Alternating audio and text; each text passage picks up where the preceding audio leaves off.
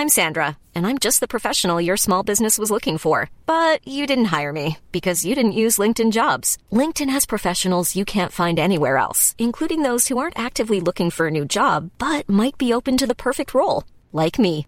In a given month, over 70% of LinkedIn users don't visit other leading job sites. So if you're not looking on LinkedIn, you'll miss out on great candidates like Sandra. Start hiring professionals like a professional. Post your free job on linkedin.com/people today.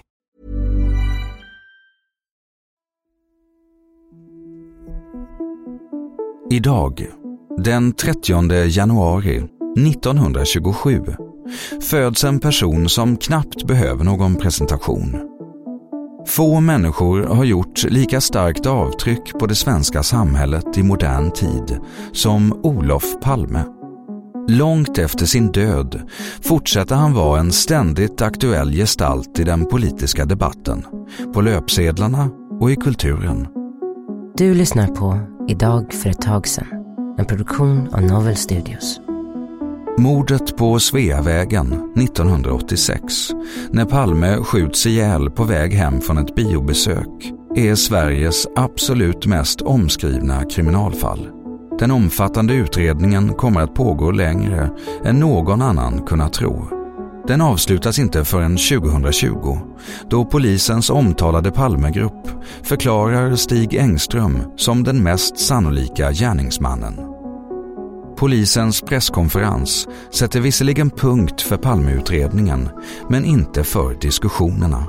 Svenska folket har trots allt levt med olika teorier kring Palmemordet och tvivel är inte så lätt att sudda ut. Något som däremot inte går att tvivla på är Palmes betydelse för svensk politik. Trots en borgerlig uppväxt och skolgång på Sigtunas internatskola blir han en fixstjärna i den svenska socialdemokratiska arbetarpolitiken.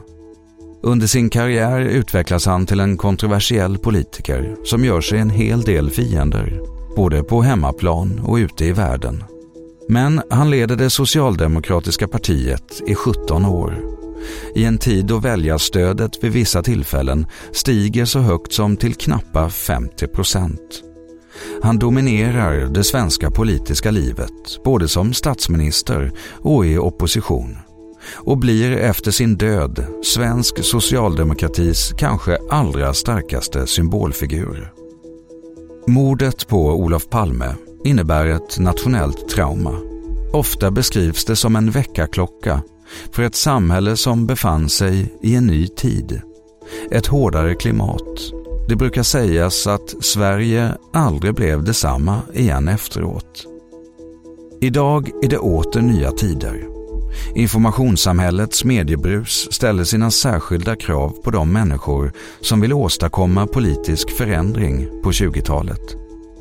Olof Palmes välkända tal ”Därför är jag demokratisk socialist” från den avslutande partiledardebatten i SVT 1982 hade möjligen inte fått samma genomslag idag.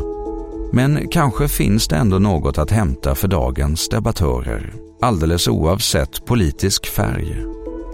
Det historiska talet var en programförklaring till väljarna, inte bara för den kommande mandatperioden utan för Palmes hela politiska idé.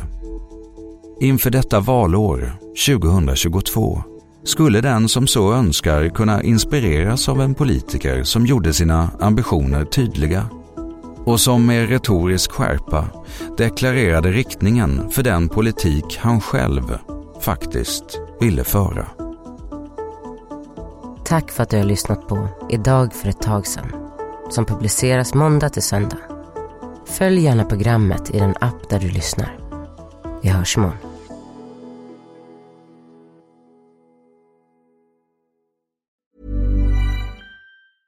Planning for your next trip?